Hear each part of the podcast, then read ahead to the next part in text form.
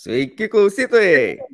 Rinktinių pertrauka, todėl šiandien mūsų galėsite išgirsti, paklausyti ne apie Bundeslygą konkrečiai, vien tik tiesiogiai apie ją, bet kartu paklausyti mūsų laidoje mūsų svečio Luko Gintauto, kuris yra Vieplay Bundeslygos komentatorius ir podcast'o pavadinimu Podcastas apie Lietuvos futbolą vienas iš narių. Sveikas, Lukai. Sveiki, sveiki, malonu.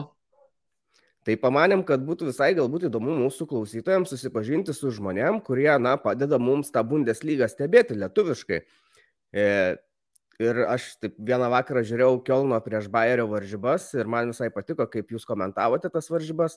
Aš net jūs tai asmeniškai, kai mes susirašinėjom, pajokavau, sakau, na, Lukas yra turbūt vieno maloniausio balso komentatorių Lietuvoje. Ir sakau, pabandykim pasikviesti ir labai malonu, kad tu greitai sutikai. Tai va, e, nežinau, pristačiau tave kaip komentatorių, kaip e, kito podcast'o narį, e, bet galbūt tu ir pats prisistatytum geriau mūsų klausytojams. E, turbūt tas komentavimas, podcast'ai prasideda, na, nuo žurnalistikos, aš spėčiau, ar ne? Jo, tai visų pirma, ačiū už gražius žodžius. E, o šiaip, jo, beveik viską ir išvardinai, komentuoju, ne tik futbolas pas mane, bet ir krepšinio šiek tiek yra to komentavimo, seniau yra tekę ir Lietuvos krepšinio lygą komentuoti, dabar likę tik tai nacionalinę krepšinio lygą, pirmą lygą komentuoju, nu ir, na ir nuo praėjusių metų kovo turbūt, jo, turbūt, kad nuo kovo, nes dabar, man atrodo, buvo kaip tik metai, kaip jau dirbu Vieplay, tai Bundesliga, buvo Anglijos čempionšipas, kai pradėjom ir daug kitų dalykų, tai jų dar ir daugės, šiemet ir čempionų lyga, UEFA kiti turnyrai, tai tų reikalų tikrai yra daug, paskui jo, yra tinklalaidę apie lietuvišką futbolą, tai kaip ir minėjai, podcastas. Jis startavom, su juo startavom lapkričio mėnesį ir be visų šitų darbų dar ką, ką galima pridėti, tai yra, kad dirbu Kauno Žalgirio futbolo klube. Už komunikaciją mhm. atsakingas esu. Na, galima sakyti, pagrindą turbūt sudaro futbolas ir dar truputį šiek tiek krepšinis. Jo, kai dirbau Kauno Žalgirio organizacijoje, šiek tiek minimaliai ir prie krepšinio komunikacijos tenka prisidėti. Tai jo, iš esmės pagrindinis turbūt dalykas yra futbolas, kur dirbu, bet to krepšinio irgi visai nemažai ir man labai dažnai užduoda žmonės klausimą, nu tai kas vis tik tai, ar krepšinis ar futbolas. Ir aš niekada to atsakymo neturiu, nes man nuo pat vaikystės iki šių dienų, nežinau, žengia realiai koja kojon ir aš nei vieno kažkaip negaliu išskirti. Tiek tą stebiu, tiek tuo domiuosi, tai kažkaip viskas, viskas taip, nežinau, lygiai ir niekada į šį klausimą neatsakau. O yra tekę komentuoti kokios nors dar kitos sporto šakos varžybas? Mm, yra tekę komentuoti tenisą per Sport 1. Tai tenisą esu komentavęs, esu komentavęs, nu, tai dar čia, aišku, nelabai turbūt skiriasi futbolas, salės futbolas, nu, ta prasme, skirtingos sporto šakos, bet vis tiek principai labai panašus. Tai salės futbolas yra tekę ledo rytulį komentuoti, kas nelabai gavosi. o daugiau, daugiau bandau dabar taip greitai prisiminti. Mm, turbūt, kad nelabai, turbūt, kad daugiau gal ir nieko. Mhm. Na, minėjot, kad sunku yra apsispręsti, pasakyti, ar krepšinis, ar futbolas, bet galbūt yra lyga kažkuri, nesvarbu ar iš krepšinio, ar iš futbolo, kuri labiausiai traukia, labiausiai patinka komentuoti arba, na, e, domitės labiausiai ją.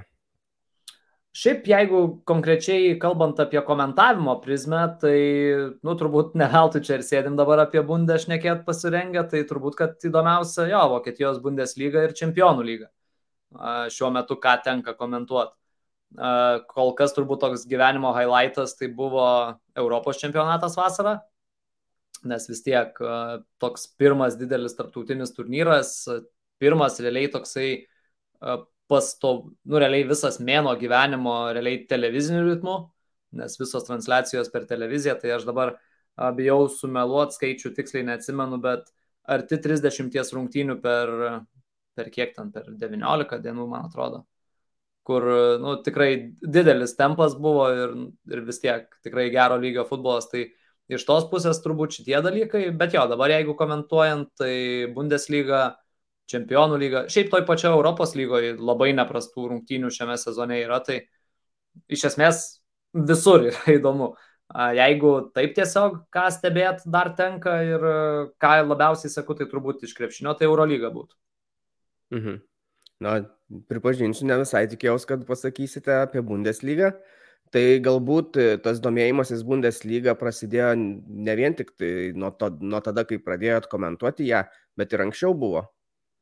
A, nebuvo gal toks didelis kaip, kaip dabar. A, vis tiek kažkaip ta, tas didžiausias dėmesys buvo skiriamas, vėlgi sakyčiau, Premier lygai tai pačiai.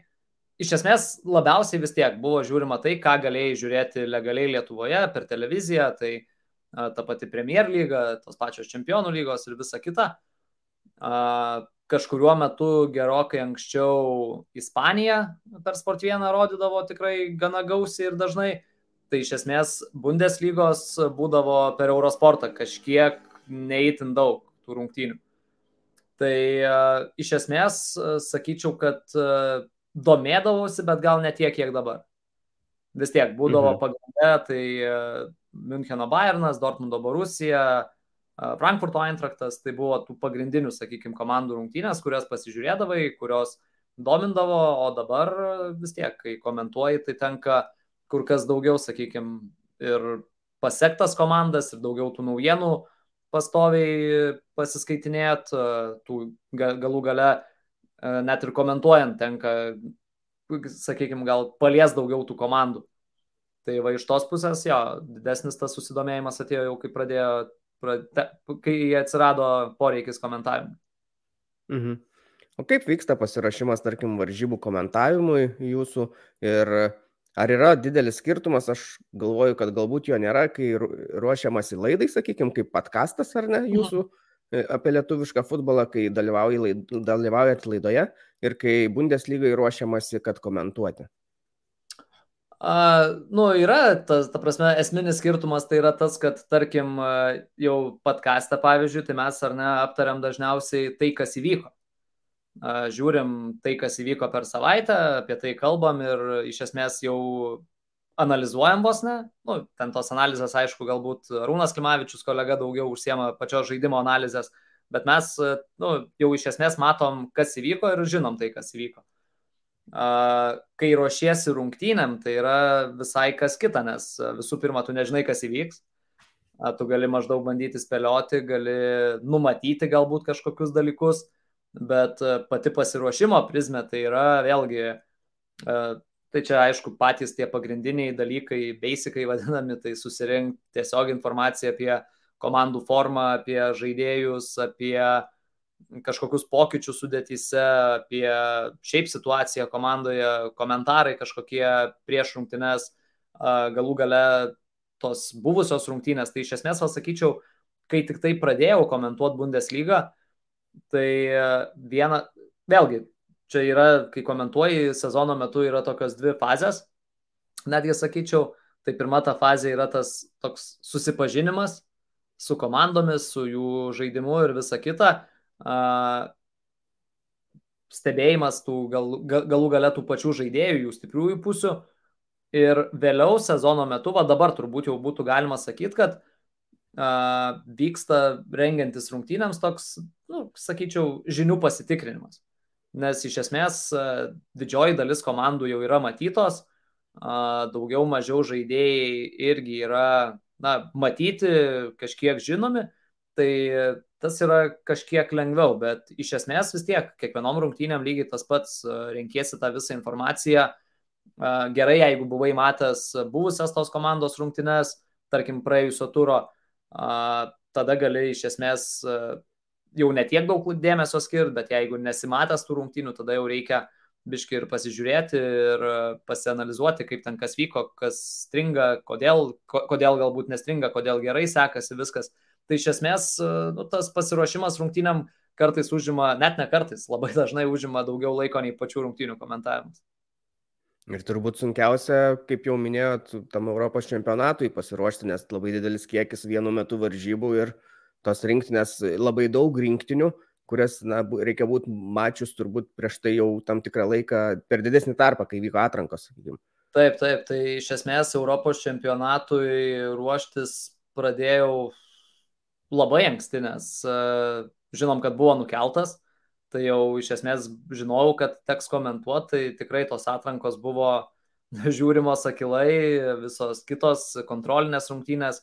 Aišku, kiek įmanoma jų pažiūrėti, nes vis tiek e, jos dauguma vyksta vienu metu, tai tikrai kiek įmanoma buvo stebėjau ir toks jau labai labai rimtas pasirengimas, tai visokie konspektai, analizės, žaidėjų charakteristikų rinkimasis prasidėjo turbūt likus kokiam dviem mėnesiam iki, iki čempionato. Bet vėlgi čia paskui šiek tiek kažkiek tas darbas pasilengvino, nes uh, ypatingai grupių etapui tai kažkiek uh, vėlgi žmonės, kurie dėliojo grafikus komentatoriam, kažkiek į tai atsižvelgia, kad gautum, jeigu jau gavai, tarkim, nežinau, Prancūzijos rinktinę, tai kad tu ją ir gautum per grupių etapą, kiti komentatoriai gauna kitas rinktinės ir panašiai, kad kad nereiktų kiekvienam komentatoriui visiškai šimtų procentų visko žinot apie visas 24 komandas.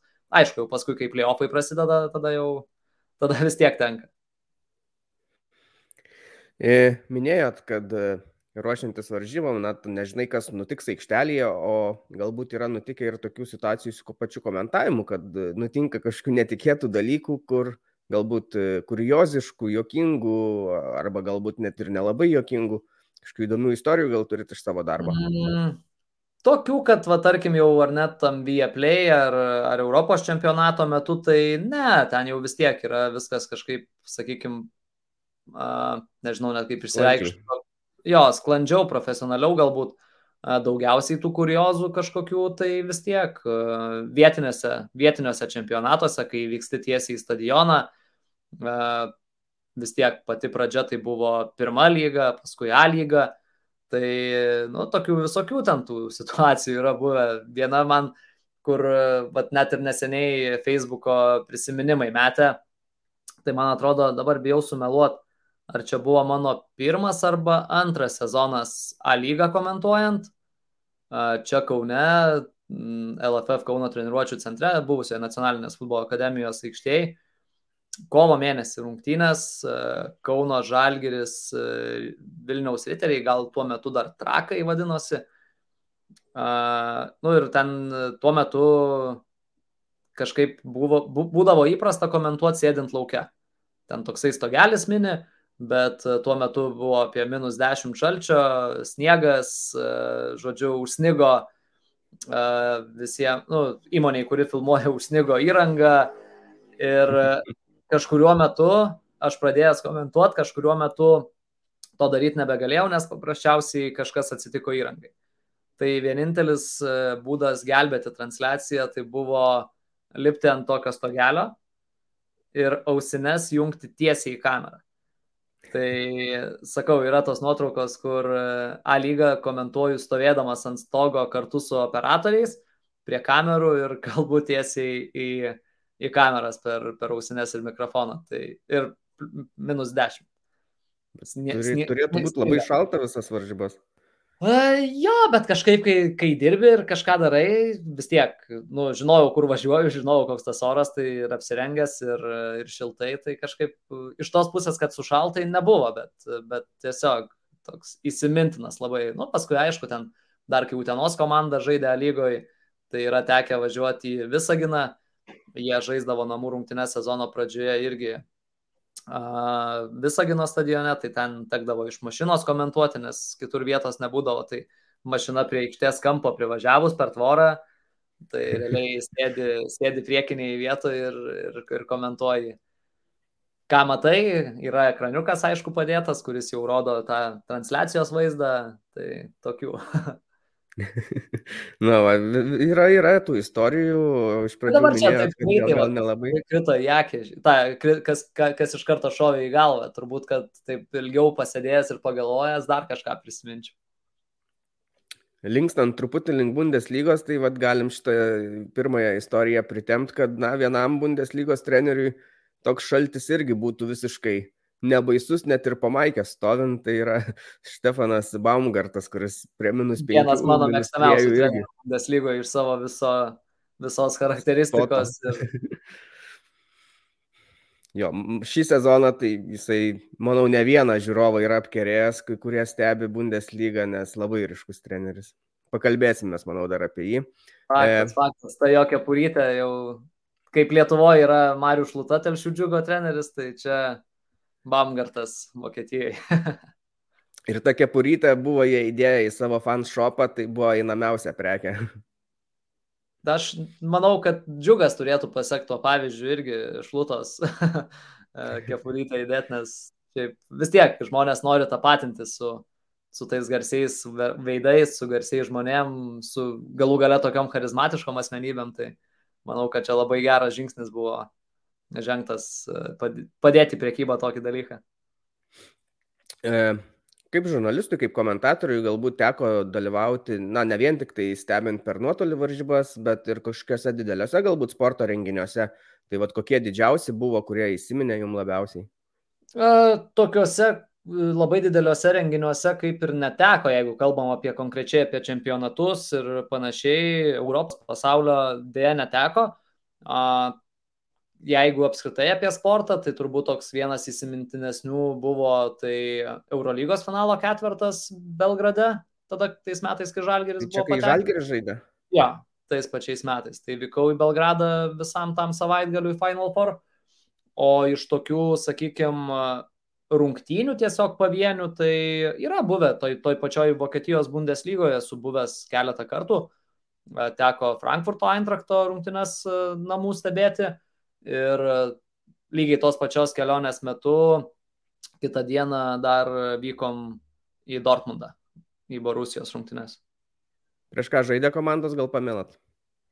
Dortmundo Borusija tikrai žaidė su Düsseldorfo Fortuna, o Eintrachtas m, tikrai neatsimenu.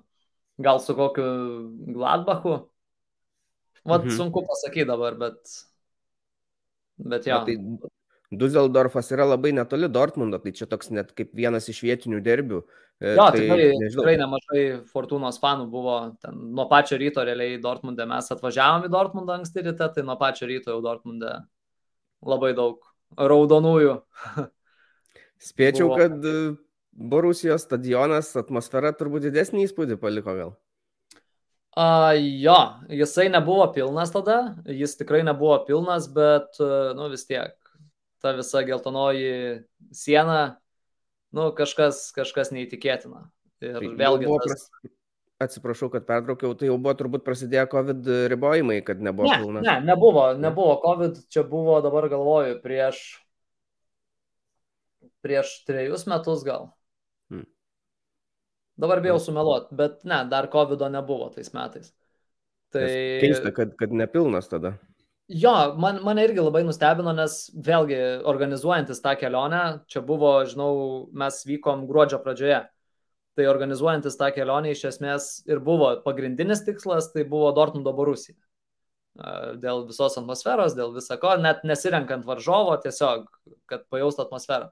Tai būnant Lietuvoje ir ieškant tų bilietų, jų paprasčiausiai nebuvo priekybai. Ta prasme, ten žiūrėjom ten kituose stadionuose, tam pačiam Frankfurte, jokių problemų iš esmės įsigyti bilietą nebuvo, tiesiog internetu pavyko nusipirkti, į Dortmundą jų apskritai nebuvo. Prieš pat kelionę vėl pasitikrinom, nu nėra. Ir e, jau grįžę iš Frankfurto Eintrakto rungtynių, nu galvoju, dar kartelį pasižiūrėsiu, nu gal netyčia atsirado kažkaip tų bilietų. Nu ir rimtai, įsijungiam, pasižiūrim, 200 bilietų dar yra. Aš nežinau, ar ten kažkas gražino ir, ta prasme, jie atsirado, ar jie buvo kažkam rezervuoti ir jų nenusipirko. Nu, tikrai neįsivaizduoju, kokia priežastis, kad jie atsirado, bet uh, atsirado jo, 200 bilietų. Tai mes ten net negalvodami, nežiūrėdami į kainą, iš karto nusipirkom ir kitą dieną, kitą vakarą tiksliau iš karto išvykom į autobusu iš Frankfurto į, į Dortmundą. Mhm. Na taip, Dortmundas ja, nu, ir... Ne, nebuvo Atsiprašau, pilnas stadionas, kas, kas šiek tiek nustebino, bet nu, tikrai daug žmonių. Tikrai daug. Dortmundas ir Bayernas, jie dažniausiai, neklystų, visus bilietus parduoda, tik tai, na, taip, po to žmonės nebegali atvykti ir tada turbūt būna nepilnas stadionas ir jie pardavinėja tos bilietus. Na, aš o... esu tą girdėjęs apie, apie, apie didžiąją dalį šiaip stadionų, kur va, tas lankomumas toks didžiulis. Bet, sakau, šiaip nustebino, nes atrodo 200 bilietų buvo atsiradę, bet tikrai tų vietų daugiau buvo laisvų.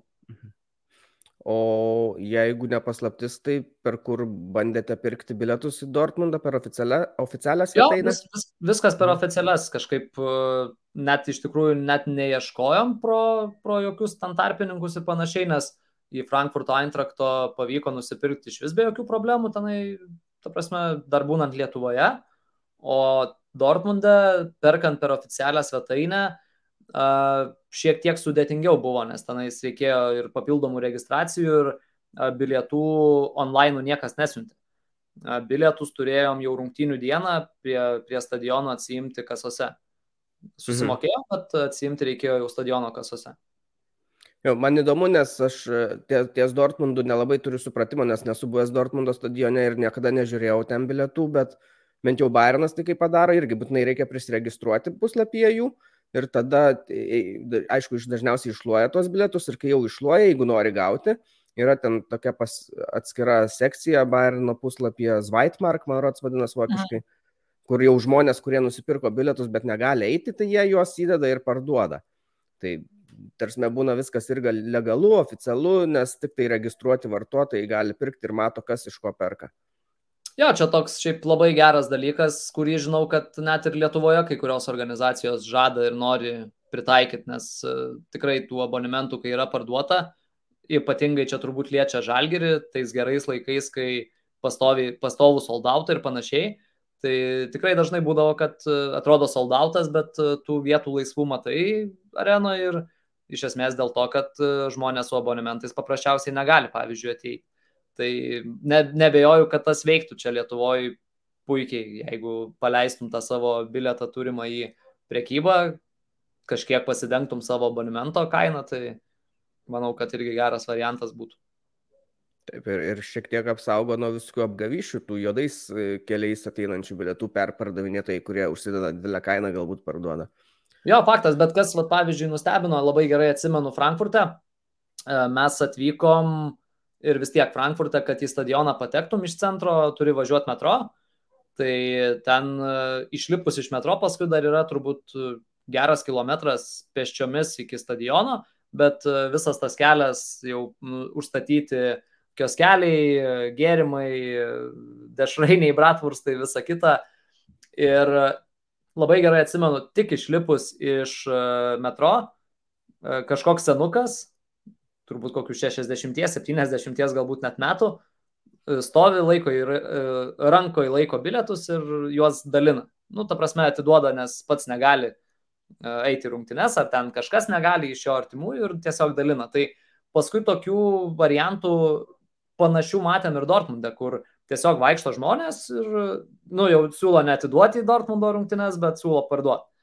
Tai mes net ir prieš nusipirkdami tuos bilietus jau oficialiai turėjom tokią mintį, kad gal tiesiog keliauti į vietą, eiti prie stadiono ir, nu, tikrai gal kažkas ras parduos, gal kažkas perparduos ir panašiai. Tai buvo tokių minčių, bet, nusakau, viskas šiaip išėjo kur kas užtikrinčiau ir ramiau. Jo, tikrai įmanoma prie stadiono visą laiką nusipirktą bilietą, tik tai šiek tiek gal daugiau rizikos yra dėl apgavyšių, bet, bet, bet ir jų yra, na, mažiau ten vis tiek. Jo, nu tai vis tiek geriausias turbūt e, pirkimo būdas prie stadiono yra tekę į krepšinio arenas, tai pirk bilietus, tai jeigu jau perki, nu tai eini kartu su, su tuo pardavėju, jeigu praeini, tada viskas ok. Taip, taip, taip. E, toks, tai du aplankyti. Atsiprašau. Sakau, savisaugos toks instinktas. Taip. Tai du aplankyti Bundeslygos stadionai, ar ne? Kaip sakai? Du aplankyti Bundeslygos stadionai. Jo, du Bundeslygos stadionai aplankyti. Uh, yra tekę būti ne kartą Berlyne. Tai čia va, yra vienas iš tokių irgi failų, kaip pavadinčiau. Uh, seniau dirbau tokioje organizacijoje Kastu LT ir mes organizuodavom keliones Lietuvos moksleiviams po Danijos arba Olandijos universitetus. Ir aš buvau toks vienas kaip iš kuratorių tų kelionių. Ir esmė, kad e, kiekvienoje toje kelionėje būna sustojimas Berlyne. Ryte anksti atvažiuoji į Berliną ir visa diena iki pat vakaro yra praleidžiama Berlyne ir kol vairuotojai išsmiega ir paskui jau važiuojam į Daniją. Ir kaip tik tais metais e, buvo Berlyno Unionas pirmą sezoną savo į Bundeslygą patekęs. Ir esmė, kad irgi labai paprastai kažkaip išėjo nusipirkti bilietus, ta prasme, online tiesiog nusipirkau, nors irgi buvau girdėjęs, kad nu ten į Berlyno Unioną, ten net į antrą Bundeslygą būdavo sunku tų bilietų gauti. Ir aš juos nusipirkau ir esmė, kad nusipirkau galvodamas, kad, na, nu, žodžiu, sumaišiau datas. Rungtynės įvyko dieną prieš, kai mes buvom Berlyne. Tai jau aš iš vakaro ten kažkaip deduosi daiktus, jau į tą kelionę ruošiuosi ir gaunu notifikationą, kad rungtynės baigėsi. Ir tai gal, ką, kaip, kodėl. Nu, okei, okay. tai liko taip biletai tiesiog ne, nepanaudoti. Tai jo, Berlyne, tai čia va buvo arti irgi rungtynių ir Berlyno olimpinį stadioną kažkada labai norėjau irgi, Berlyne būdamas labai norėjau aplankyti, jau su metro irgi nuvažiavau ir realiai norėjau į turą tiesiog į apžvalginį nueit. Ir atvykau ir tiesiog prieš duris praktiškai uždarė vartus, nes baigėsi turų darbo laikas. Atsiprašau. Tai jo, labai panašiai aš irgi, jeigu į Berliną, tai norėčiau kokį DFB finalą olimpiniam stadione arba Unioną tą stadioną, tokį mažesnį truputį mielą, bet aš net labiau į Uniono turbūt norėčiau, nes jis jo toks kompaktiškas, atrodo mielas ir jaukus, o kiek teko girdėti apie tą olimpinį stadioną, tai vis tiek tas trekas, atletikos, tas taip, labai viskas toli ir toli jautiesi nuo, nuo aikštės. Pamatyti tą vaizdą, kaip Uniono stadione per langiuką žmogus išlindęs pakeičia rezultatą, skaičius iš, nežinau, popieriaus ar ko ten padarytus. Nu, čia jau mažiau egzotikos, nes Lietuvoje tokių vietų turim. Tai. Bet čia aukščiausiam lygiai ir, na, su tikslu padaryta, o ne, o ne, ne, iš, ne iš galėjimo. e, yra dar kokių stadionų Bundeslygos, kurių norėtumėt pamatyti? Apsilankyti. Nu, tai vis tiek turbūt e, norėtųsi ir į Allianz areną nuvykti kažkada. A, daugiau galvoju. Šiaip labai daug gerų atsiliepimų esu girdėjęs apie Kielno namus. Kad ten irgi labai sudėtinga ir bilietų gauti, tai ten visai galbūt norėtųsi. O daugiau kažkaip mm, net nežinau. Žinau iš antros Bundeslygos komandas, kurių stadioną tikrai norėčiau nuvykti. Tai norėčiau apskritai į Hamburgo miestą nuvykti, į HSV ir, ir San Paulį man apskritai San Paulė yra toks Gerbis. klubas, kur, nežinau, niekada nesu, ta prasme, matęs jų, sakykime, iš arti kažkaip, net ir tų rungtynių aš esu, nesu daug jų matęs, bet man ta visa jų kultūra ir, ir visi kiti dalykai, tai nežinau, kažkaip labai arti, arti, arti širdies ir taip labai įdomu būtų pamatyti viską gyvai. San Paulis turi visai gerus šansus patekti ir aukščiausią lygą. Ja, aš, aš kažkiek sakau, šiek tiek vis tiek per Vieplay galima ir antros Bundeslygos rungtynės stebėti, kad bent jau tą situaciją stengiuosi sekti. Smagu būtų turėti dar vieną derbę, aišku, reiktų, kad ir Hamburger klubas patektų į aukščiausią lygą. Ir būtų ir Berlyno, ir, ir Hamburgo tie derbiai tokie. E, klausimas, ar bu, jeigu tos komandos patektų, klausimas, ar būtų Berlyno derbis, nes Hertai šiemet sudėtinga kol kas. Labai sudėtinga ir dar dabar tarp vadovybės yra daug nesutarimų, investuotojas gali būti jų pagrindinis, kad ir pasitrauks jau. Tai, tai nu, už aikštės ribų irgi neramu. Jo, čia tokie dalykai, aišku, nie, niekada neprideda to, sakykime, žavesio, bet vėlgi turbūt futbolo dalis. Kažkaip vis tiek galvoju, kad turėtų išsikrapštyti ten iš tos relegation zonos Hertha. Dabar pasiemė žinoma praeitie gerą trenerį, tai šansų yra ir paskutinės varžybas laimėjo. Matysim, bus įdomu. Visai, šiaip teko stebėti su Hoffenheimu, šiaip visai, visai simpatiškai atrodė, tai kažkaip dėl to ir sakau, kad uh, suteikia to pozityvo, kad gali likti, nes pavyzdžiui, uh, jeigu lygintume, tai nežinau, nematau labai didelio skirtumo šiemet nei tarp ten šalia esančio Augsburgo, nei to paties Štutgarto. šiaip gaila, Štutgarto būtų aišku irgi. Labai gerai pradėjo sezoną, nu, nelabai gerai, bet savo išgalėm tikrai neprastai. Ir paskui labai taip stipriai smigo, tai kažkaip dėl to liūna, bet sakau, net tiesą sakant, nežinau, ko būtų labiau gaila, jeigu iškristų Štutgartas, Augsburgas ar, ar Herta. Gal labiausiai Hertos būtų gaila. Jo, mažiausiai tai turbūt Augsburgo, jis jau kelis metus e, flirtuoja su tom paskutiniam vietom, o Štutgartas tai dar pernai su europiniam vietom dėl jų kovoja. Taip, taip, taip, taip, tai ir labai daug traumų turi klubas, tai ten turbūt yra esmė tų nesėkmių dabar. E, nežinau, mes nesam nusistatę, kiek kalbėsim, bet turbūt pokalbis jau įpusėja, tai e, Įdomu, ar dažnai tenka dalyvauti vat, iš kitos tos kameros pusės, kitos mikrofono pusės, kai esate ne klausantis, ne, ne pagrindinis kalbantis, bet tas, kurio klausia, pagrindinis tas susidomėjimo objektas mūsų. Ne, šiaip e, ant vienos rankos pirštų turbūt būtų galima suskaičiuoti, šiaip tikrai, tikrai nedaug tokių apsilankimų kažkur. tai sakau, net šiek, šiek tiek nustebinot pakviesdami. Geras jausmas. E, neblogas. E, Žinai, labai, labai, labai gerai yra suprasti ir tą kitą pusę vėliau. Kai vėl pats kalbini ir panašiai, tai labai gerai paskui yra suprasti ir tą kitą pusę, kaip, kaip viskas iš kitos pusės atrodo. Mhm. E, ką Lukai palaikote, kokią komandą? Šiaip uh, užsienį aš kaip ir neturiu tokios vienos labai palaikomos komandos, visą laiką nuo pat vaikystės simpatizuoju Madrido realui bet tikrai nesil, nesilaik, nelaikau savęs e, šios komandos fanų. Tiesiog galbūt daugiausiai stebiu, daugiausiai seku, jeigu taip bendrai žiūrint.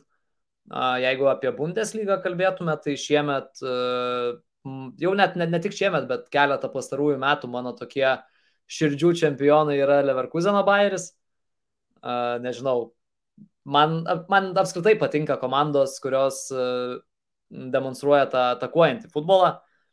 Tai kaip ir turėtų turbūt ir Dortmundo Borusija patikti, bet nu, aš negaliu žiūrėti Borusijos gynybą.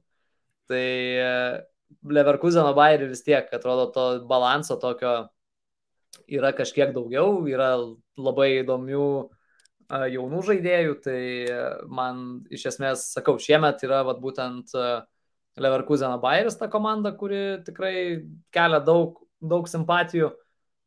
O daugiau, tai nežinau, iš tikrųjų, va, kaip ir minėjau, tas pats Frankfurto Eintraktas, vien dėl to, kad esu buvęs stadione, irgi jau kažkiek yra, tu, čia lygiai taip pat kaip ir Paulius Jekelis, ar ne, pas jūs buvęs kažkada pasakojo, kad vieną kartą apsilankė stadione ir iš karto užsimesgė ir kontaktų kažkokių ir ryšių, tai lygiai tas pats ir čia, tai Paulius nemelavo, kažkaip labai labai draugiški žmonės ir iš esmės vien futbolo rungtynėse jau galima susipažinti su žmonėm ir, ir užmėgstų ryšių. Tai sakau, Eintraktas kažkiek irgi visai patinka, bet jo, šiemet pagrindinė ta komanda, tai kurią seku ir kurią vėlgi čia toks sutapimas, nesutapimas, turbūt daugiausiai šiame sezone ir teko komentuoti. Bundeslygoje, jeigu tai dvi komandos - Borusija ir, ir, ir Leverkuseno Bayeris dvi komandos, kurias komentuoju dažniausiai šiemet. Ir mm. Bayeris dar, ir ta pati Borusija dar persekė ir Europos lygose. Na gaila, Dortmundo neilgai teko matyti Europos turnyruose, Bayeris irgi dėja iškrito. Šiaip jo, ilgus metus Bayeris irgi turėdavo tą gynybos problemą, bet uh, dabar šiemet atrodo truputį susitvarkę, jie turi tos tokius stabilesnius gynėjus ir netgi... Jo, nors vėlgi yra nusipirkę. Žiūrint, Borusija dar ir mažiau praleido, bet, nu, bet tiesiog kažkaip. Nu, bet jie sugriūna tiesiog. Ja, ja, ja. Dažniau kažkaip. O, o, o draugiškumas Bundeslygos stadionuose, tai irgi galiu tik pritart, kai esu užėjęs Bairno varžybas Bairno stadione, tai e, šalia sėdėjo Gladbacho fanas su Gladbacho striukė, bet Bairnas žaidė net ne prieš Gladbachą, Tai jisai ten visas varžybas ir, ir, ir džiaugiasi už kitą komandą, jeigu jie įmuždavo, palaikė ją labai aktyviai ir ryškiai, bet niekas nieko nei žodžio ten iš kitų fanų jam niekas nesakė, tiesiog priimama kaip natūrali dalis to. Jo, tai va turbūt iš esmės ta, ta Vokietijos futbolo fanų uh, kultūra tokia turbūt ir yra, netgi, nežinau, sakyčiau, Aš, ta prasme, neturiu nieko prieš prieš visus ultrų reikalus, kurie, ta prasme, pasižymi ten įspūdingom choreografijom, pirotechnikos šou elementais ir viskuo kitu. Tai man, mane tas irgi žavi. Tiesiog galbūt tą Vokietijos fanų palaikymą statyčiau kaip tokį šiek tiek pavyzdinį, nes jiem kažkaip pavyksta dažniausiai išvengti tų, sakykime, visokių didelių skandalų, konfliktų, muštynių ir panašiai. Nu, ne visada, aišku, čia dabar Frankfurte matėm ir Eintrakto fanai, ir Vesgemo, Sevija, Sevija, aišku, vyko veiksmas, bet, bet ir Eintrakto fanai įsivėlę buvo. Tai aišku, tų yra, visą laiką pasitaiko, bet kažkaip vis tiek turbūt, jeigu kalbam apie tas didžiasias lygas, tai turbūt, kad Ispanija ir Vokietija yra tos gal kur mažiausiai girdim tų, ar ne, skandalų, kur muštynės, visa kita Nu, okei, okay, Anglijoje dabar irgi gal netiek ir daug, bet ten vis tiek pasitaiko. Ja, šiek tiek mažiau. Aišku, yra tų aktyvių ultrų grupų. Na, tai taip, taip, taip. Pasireiškia, bet, bet bendrai man mažiau. Keistas Jos. buvo tas e, konfliktas Sevijoje, nes e, Eintrakto fanai, na, jie atvyko į varžybas prieš Real Betisą, kuris irgi iš Sevijos ir jie sužaidė savo varžybas ir liko tiesiog dar ir kitai dienai, kuomet žaidė taip, taip. kitas Sevijos komanda. Prieš Veshamą ir vat, net susikivirčijo, susikonfliktavo su komandos fanais, kurie net nebuvo jų varžovai. Na, nu, bet čia to, tokia turbūt e, sena klasika tarp Anglijos ir Vokietijos futbolo gerbėjų. tiesa, tiesa. Ne, bet futbolas to kartais ir žavi vis tiek tos. Kol sveika prieš prieš, tol viskas labai gerai.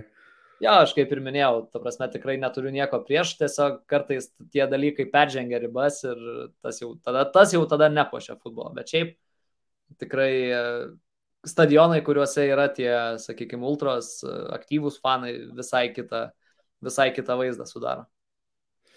E, mat, tai turbūt Lietuvoje, sakot, palaikot komandą, tai Kauno Žalgeris gal bus? Tai taip jau, taip jau išeina, pats esu kaunietis, e, nuo pat vaikystės vis tiek tas klubas per visus galus, tai tekdavo tiesiog eiti į areną, palaikyti, vėliau teko ir darbuotojų tapti, tai viskas, kaip sakau, parašyta žvaigždėse.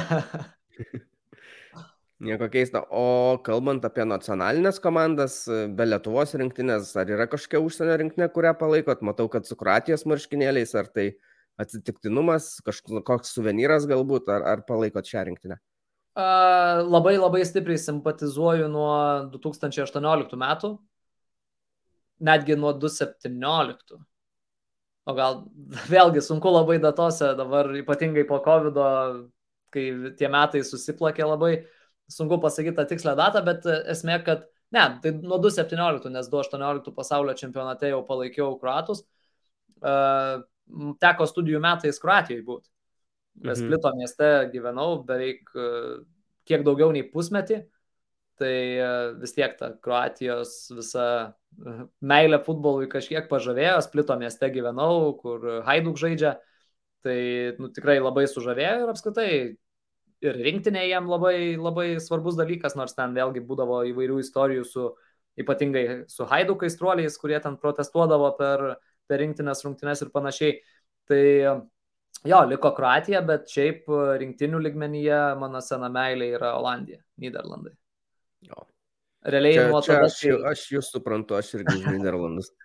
jo, realiai nuo tada, kai taip jau akilai stebėjau savo pirmą čempionatą, tai 2006 dar tiesiog ten ekrane ėjo, tai nelabai ten dar ir rūpėjo, kas vyksta, bet 2008 metų Europos čempionatas, tai jau buvo tas, kurį labai akilai žiūrėjau ir būtent Niderlandai paliko labai didelį įspūdį, nu, tada 2010 pasaulio čempionatas, tai taip ir užkabino tą oranžinę spalvą. Dabar galvoju, aštuntais, tai čia ne tie metai, kai rusai išmetė, ar, ar anksčiau buvo tai? Uh, geras klausimas dabar. Aš dabar tiksliai irgi nepamenu, bet Bet ta keistai, meilė futbolui dažnai gimsta žmonėm, kad pamato kurias nors pirmas varžybas, vos ne labiau įsiminusias ir kuri komanda buvo tose varžybose ir palaiko. Man tai buvo. Nu, ten, ten, ten, nebuvo, ten nebuvo vienų rungtynių, turbūt atvejais ten apskritai viso čempionato, nes labai daug tokių įsimintinų dalykų buvo. Ir šiaip tą futbolą aš jau ne, ne vien nuo to čempionato pamėgau. Pačiam teko sportuoti, lankyti futbolo treniruotės, FBK Kauno tuo metinio futbolo mokyklose, tai kažkaip irgi visą laiką būdavo, atsimenu, vyksta čempionatas, tai nuo ryto į stadioną pats su kamuliu, grįžti pažiūrėti rungtynių, tarp rungtynių vėl pertrauka, vėl lėki į stadioną, bandai atkartoti tą, ką matėjai ir panašiai, tai tikrai būdavo labai įdomu stebėti iš tos pusės irgi, kai esi mažas vaikas ir žiūri tas rungtynes, ką tie žaidėjai daro, tai būdavo kažkas wow, bet jo, sakau, šiaip Niderlandai. Galbūt ir dėl tų ryškių aprangų įsimindavo, nežinau. irgi, irgi, irgi gali būti. E, nu gaila, truputį gal, kad prasilenkėt su Valdu Dambrausku, būtų splitę, pastebėję varžybas būtų dar buvę įdomiau. E, Kroatija, Realas, tai aš jau spėčiau taip drąsiai, kad koks Modričius gali būti jūsų vienas mėgstamiausių žaidėjų. Modričiaus marškinėlį ir piešia ją parašyta Modričiaus pavardė ant jų. Jo, šiaip labai, labai Luka Modričius patinka. Tai apskritai man daug Kroatijos tų žaidėjų yra, kurie simpatizuoju, kuriem tai tas pats Ivanas Perišičius, Rakitičius irgi kaip saugas, nors ir žaidė Barsoj, bet nu, tikrai labai gero lygio žaidėjas. Dabar irgi jaunų futbolininkų ateinančių, aš vėlgi komentuodamas vis negaliu atsistebėti Joško Gvardiolų ir jo sudėjimu ir gebėjimais, kur visai jaunas bičiukas nu, tikrai puikiai įsilėjo į komandą ir daro gerus dalykus. Vienas geriausių šių metų Bundeslygos naujokų, sakyčiau. Jo, turbūt be abejonės. Tiek, tiek bundiai, tiek UEFA turnyruose, nu, labai gerai atrodo, kaip pirmas sezonas, tai manau, kad tikrai gali ir dar aukštesnį lygį kilti. E, gerai, tai kalbant apie mėgstamiausius žaidimų, e, žaidėjus Bundeslygoje, kokie būtų jums labiausiai imponuojantis, patinkantis? Kai kalbėjom apie Leverkuseną Bairį, tai negalėjau negalvoti apie Florianą Vircą nu man, nežinau, 18 metais su tokiu žaidimu ir tokiu potencialu ir, ir visais kitais dalykais, nu, tai yra kažkas neįtikėtino ir, ir labai labai mėgstu ir netgi tikrai norėčiau, kad pa, pa, persikeltų, kad ir į tą patį Madrido realą ir žaistų aukšt, dar aukštesniam lygiai. Tai labai gaila dėl tos jo traumos. Kaip suprantu, sezonas baigtas, tai tikrai, tikrai labai liūdna. O daugiau, šiaip labai daug tikėjausi iš Danielio Malino šiemet, kuris papildė Dortmundo Borusiją. Labai kažkaip patiko jis man per Europos čempionatą, tai kažkaip tikėjausi daugiau, bet šiek tiek nuvilintis. Kas čia dar? Nu tai jau kažkaip nuo senų laikų Marko Roisas man toks, gal ne, ne, ne kiek iš savo to žaidimo stiliaus, bet tiesiog iš viso to uh, kaip sakyt, e, paveikslo aplink jį, kiek metų ištikimas tai pačiai komandai, e, kur visi tie, ar ne, visos tos, e, visi tie memai sukurti, kur ten išeina Lewandowskis, Giotse, visi kiti išeina, jis, jo, jo, jis vienas lieka, tai kažkaip Marko Roisas va visą laiką tarptų, tarptų žaidėjų. O daugiau kažkaip dabar irgi sunku kažką tokio labai išskirti Gal iš Müncheno Bayerno paminėčiau Leroy Sane. Vis tiek man patinka jo žaidimo stilius, patinka tas prokstama gale energija. Dar kai man, man City žaidė, tai tikrai toks vienas iš žaidėjų, kuriuos atkreipdavau dėmesį. E, yra tekę, mačiau jums kalbinti garsius krepšininkus, galbūt ir futbolininkus, ne tiek garsius, vietinius daugiau galbūt, bet Kokį pasirinktumėt pakalbint žaidėją iš Bundeslygos būtų tas jums įdomiausia, nežinau, labiausiai patiktų, norėtus? Iš to, ką šiaip tenka matyti įvairiuose vaizdo įrašuose iš Bundeslygos, tai va pirma mintis, kas šovė į galvą, tai Erlingas Haalandas. Su savo humoro jausmu. galite nesulaukti. jo, su savo humoro jausmu, su, su visais, nežinau, bajeriukais, prikoliukais. Tai tikrai turbūt būtų toks e, įdomus variantas, o, o daugiau, o tai vėlgi turbūt e, tas pats e, Robertas Lewandowskis vis tiek būtų vien įdomu su konkrečiai su tokio kalibro žvaigžde pasišnekučiuot apie, nežinau, net apie pačius paprasčiausius dalykus, kaip į viską žiūri toks žmogus. Kokia, kokia jo diena, koks režimas. Įdomu. Nu, aš būtų. maždaug įsivaizduoju, bet va, tiesiog gal, gal aš įsivaizduoju per, per, per, nežinau, per griežtai, gal jis visiškai paprastas bičias ir, ir, ir nesilaiko ten labai jau sudėtingo režimo. Įtariu, kad laikos. Žmona ten yra jo irgi sportininkė ir, ir kiek, kiek skaitęs, tai atrodo, kad jį ten gan gerai prikirpus ir prižiūri. Nu, va, klubom, klubom idėja, jeigu poliai nerodo rezultatų, ką įsidarbinti klubą. o kalbant apie trenerius? Uh, tai turbūt, kad Štefanas Baumkartas vienas iš jų būtų. Uh, Giuseppe Gerardo Seoane irgi man visai toks, sakyčiau, paliekantis įspūdį strategas.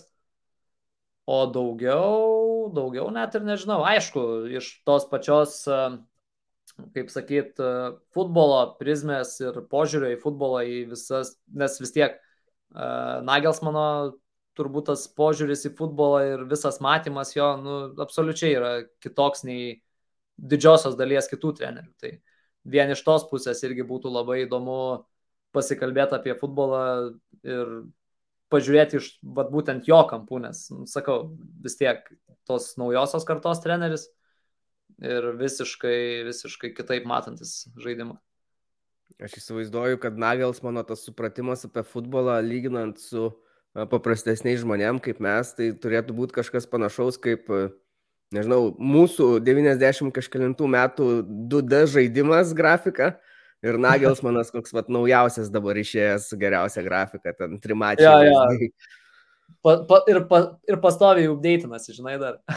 jo, jo, jo, pečiai vis ateina nauji. ja.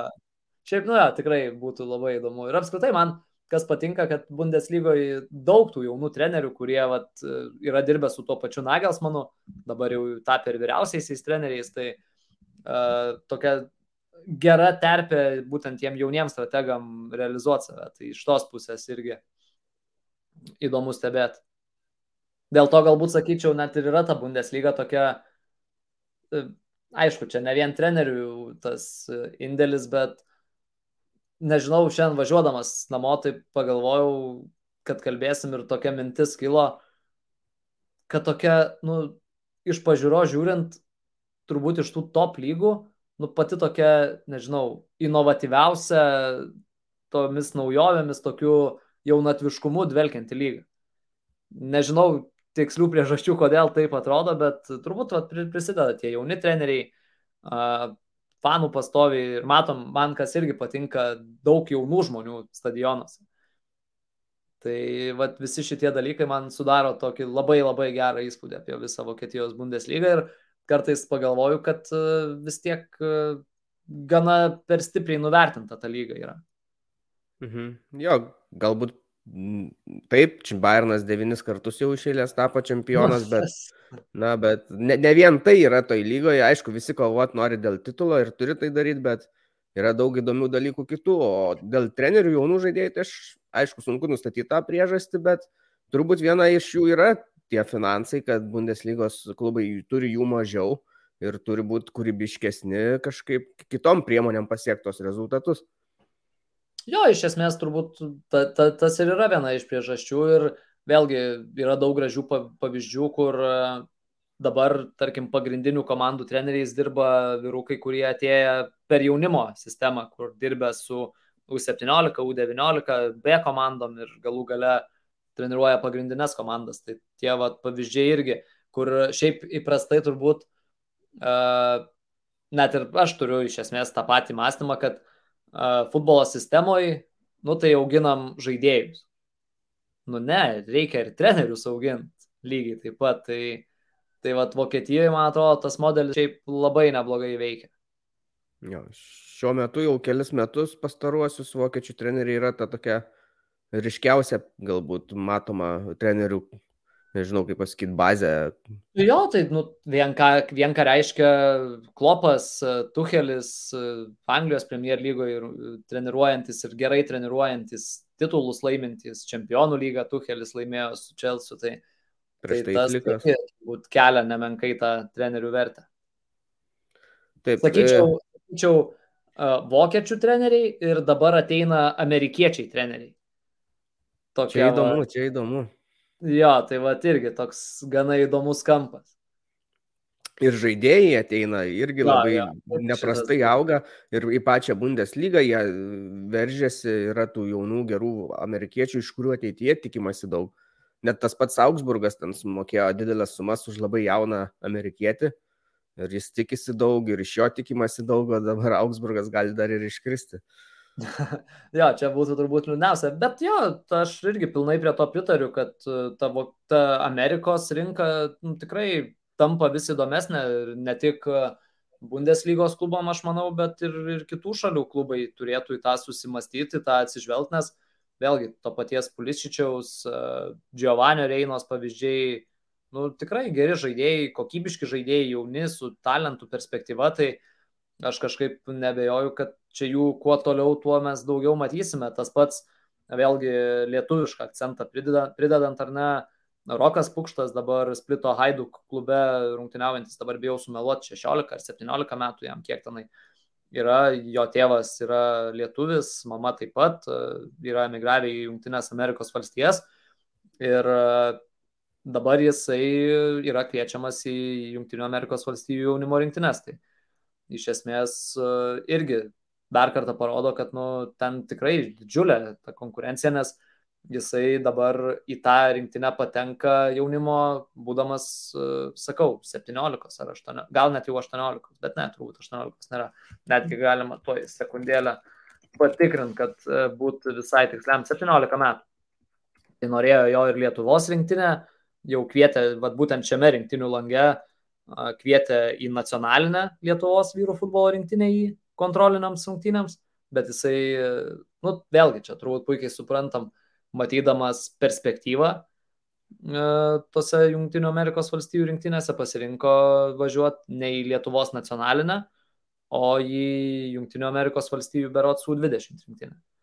Mhm. Tai iš esmės aš turbūt irgi, kad ir kaip norėtųsi matyti e, tokį perspektyvų jaunuolį Lietuvoje, bet iš kitos pusės turbūt nu, puikiai suprantama, kad e, jeigu jam pavyks prasimušti tą Amerikos rinktinę, tai ten visai, visai, visai kitas svoris ir visai kiti reikalai ir galimybės kovo dėl, dėl galų gale dėl titulų, kad ir ten tuose Šiaurės Amerikos e, čempionatuose, kovo dėl vietų pasaulio čempionatuose ir juose sėkmingai galų gale rungtyniauti. Tai turbūt visiškai logiškas.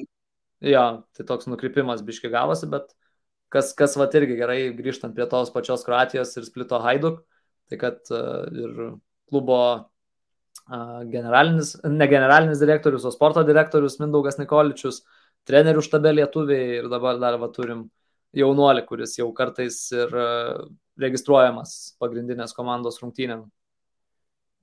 Tai čia vėlgi, turbūt netmetant e, to varianto, kad jeigu nepateks jisai kažkada į tą Amerikos rinktinę, į Lietuvos galbūt tada. Taip, greičiausiai, jeigu jau nepavyks, vis tiek jaunimo rinktinėse gali žaisti, svarbu, kad nebūtų rinktų, vyrų rinktinėje sužaidęs, ar ne? A, jo, ten, kad net ir jeigu ir už jaunimo esi sužaidęs, ten paskui yra tų išimčių, kad e, galima galų gale irgi papult. Šiaip, vat, kalbant apie tuos žaidėjus, ką aš tau minėjau prieš tai, kai dar atrodo neįrašinėjom, kad e, planuoju šiandien keliauti į stadioną pasižiūrėti, kaip atrodo Lietuvos 19 mečių rinktinė. Tai e, šiandien šiame lange į rinktinę yra pirmą kartą pakviestas Jono Michelbrink jaunesnis brolis Lukas. Tai šie du vyručiai abu rungtyniauja Berlyno Hertos klube Jonui 20 metų, tai jisai jau ir Bundeslygoje yra debutavęs, tiesa, ne, šia, ne, ne šiais metais, bet praėjusiame sezone. Ir jo jaunesnis brolis Lukas, jam dabar pasitikrinsiu, kad ne, neprimeluot, jam yra 16, jis irgi žaidžia už Berlyno Hertos ten jaunimo komandas, tai jį jau šiem, šį kartą pavyko prisikviesti Lietuvos rinktinę. Tai čia, va, ką kalbėjom pačioje pradžioje apie Berlyno Hertą, tai dar labiau būtų gaila dėl to, jeigu jie iškristų, nes e, turim tokius du, sakykime, potencialius Lietuvos rinktinių e, žaidėjus. Žinau, kad ir su Jonu jau yra kalbama, kad e, kviesti į U21 arba galbūt net ir nacionalinį. Mhm. O čia įdomus faktas, buvau praleidęs, tai vyresnysis yra tikrai žaidęs Bundeslygoje, sužaidęs pernai. Taip, Jonas Michelbrink. Kažkaip praleidau šitą faktą ir nelabai mačiau spaudoje, tai visai įdomu. Idėja ateičiai galbūt ir mums pasikviesti į laidą. E, tikrai neįsivaizduoju, ar šneka lietuviškai, ar nešneka. Tai jo, toks klausimas. Na, įmanoma išspręsti tą, tą bėdą ir angliškai, arba vokiškai ja, kalbant. Tai nieko dar. E, gerai, tai jau visai link pabaigos, tada, kad jau pradėjom bendriau apie tą Bundeslygą kalbėti, tai ko tavo, jūsų manimų, bundiai trūktų, trūksta ir ko reikėtų, kad jinai taptų dar labiau patraukli žiūrovam, kad net ir, sakykime, tiem tarptautiniam žiūrovams, kaip ir mum iš Lietuvos, kad būtų tas susidomėjimas jie didesnis. Tai aš kažkaip galvoju, kad vėlgi ypatingai Anglijos Premier lygos tas didelis žingsnis buvo, kai a, dabartiniam TV3 Play Sports pradėjo būti transliuojama. Seniau būdavo net ir atrodo viešai prieinama ta lyga kažkaip. Tai iš esmės vat, ir yra tas dalykas sužiūrimumas. Tai aišku dabar Viaplay tai yra mokama platforma, bet galima stebėti absoliučiai visas rungtynes, galima jas atsisukti Tai aš kažkaip galvoju, kad su laiku ta Bundesliga tikrai gali aukti, susidomėjimas ją irgi gali aukti, nes iš esmės nu, tai tai pačiai Premier lygai, ar ne, kurią mes laikom populiariausią futbolo lygą, nelabai kuo ir nusileidžia. Stadionai puikūs, transliacijos puikios, tos visos sistemos yra, fanų kultūra, vėlgi net sakyčiau, turbūt, jeigu tai paimt, bendrai visus Bundeslygos klubus ir bendrai Premier lygos klubus. Aš net sakyčiau, kad fanų kultūra Vokietijos Bundeslygos klubuose galbūt net ir geresnė. Aišku, ten jeigu imt lygint vieną su vienu, tada gal, gal būtų galima rasti pranašumų ir Anglijoje, bet tai iš tikrųjų, sakau, net nežinau, turbūt ko labiausiai reiktų, tai kad e, Vokietijos Bundeslygos klubai kažkokiu būdu pradėtų generuoti dar didesnės pajamas ir galėtų mest iššūkį tiem, sakykime, arabų šeichų klubam ir išsaugo tuos savo geriausius žaidėjus. Nes jeigu, tarkim, įsivaizduokim, liktų toje pačioje Bundeslygoje dabar tas pats Erlingas Halandas, niekur neišvyktų, liktų kiti geri žaidėjai, kurie, nu, tikrai yra aukšto lygio, atvyktų galų gale dar keletas pajėgių žaidėjų, gerų vardų iš kitų lygų, tai aš kažkaip galvoju, kad e, ta Bundesliga tikrai galėtų būti, kad ir, nežinau, kad ir pirmaujanti pasaulyje lyga. Nes dabar turbūt esminis dalykas ir yra tas, mes matom tą Vokietijos Bundesliga kaip lygą, kurioje yra gera terpė užaugti žaidėjui, gera terpė žaidėjui pažaisti aukštame lygyje, tobulėti ir paskui išvažiuoti į kitus klubus, ta, net, iš esmės net ir daro tą, tie, sakykime, topiniai pasaulio klubai, ar ne tas pats Madrido Realas, Barça uh, skolina, tarkim, žaidėjus ar ne į Bundeslygos klubus, dabar ar ne Hakimi pavyzdys Dortmunde puikių sezonų žaidė, dabar aišku, Reinieris yra paskolintas į Borusiją iš Madrido Realo, nors ir labai neblizga, bet Tai sakau, man atrodo, jeigu Bundeslygos klubai sugebėtų mest tą finansinę kovą tiem didiesiam Europos klubam ir iš esmės išlaikytų tuos savo didžiausius talentus, e, prisikviestų talentingus žaidėjus ir jau, ne tik galbūt talentingus, bet ir tuos, kurie jau yra kažką įrodę, pasiekę, tai aš tikrai nebejoju, kad Bundesliga galėtų būti lygiai tokio pat susidomėjimo kaip ir tos topinės lygos dabar, kaip Anglija ar Ispanija.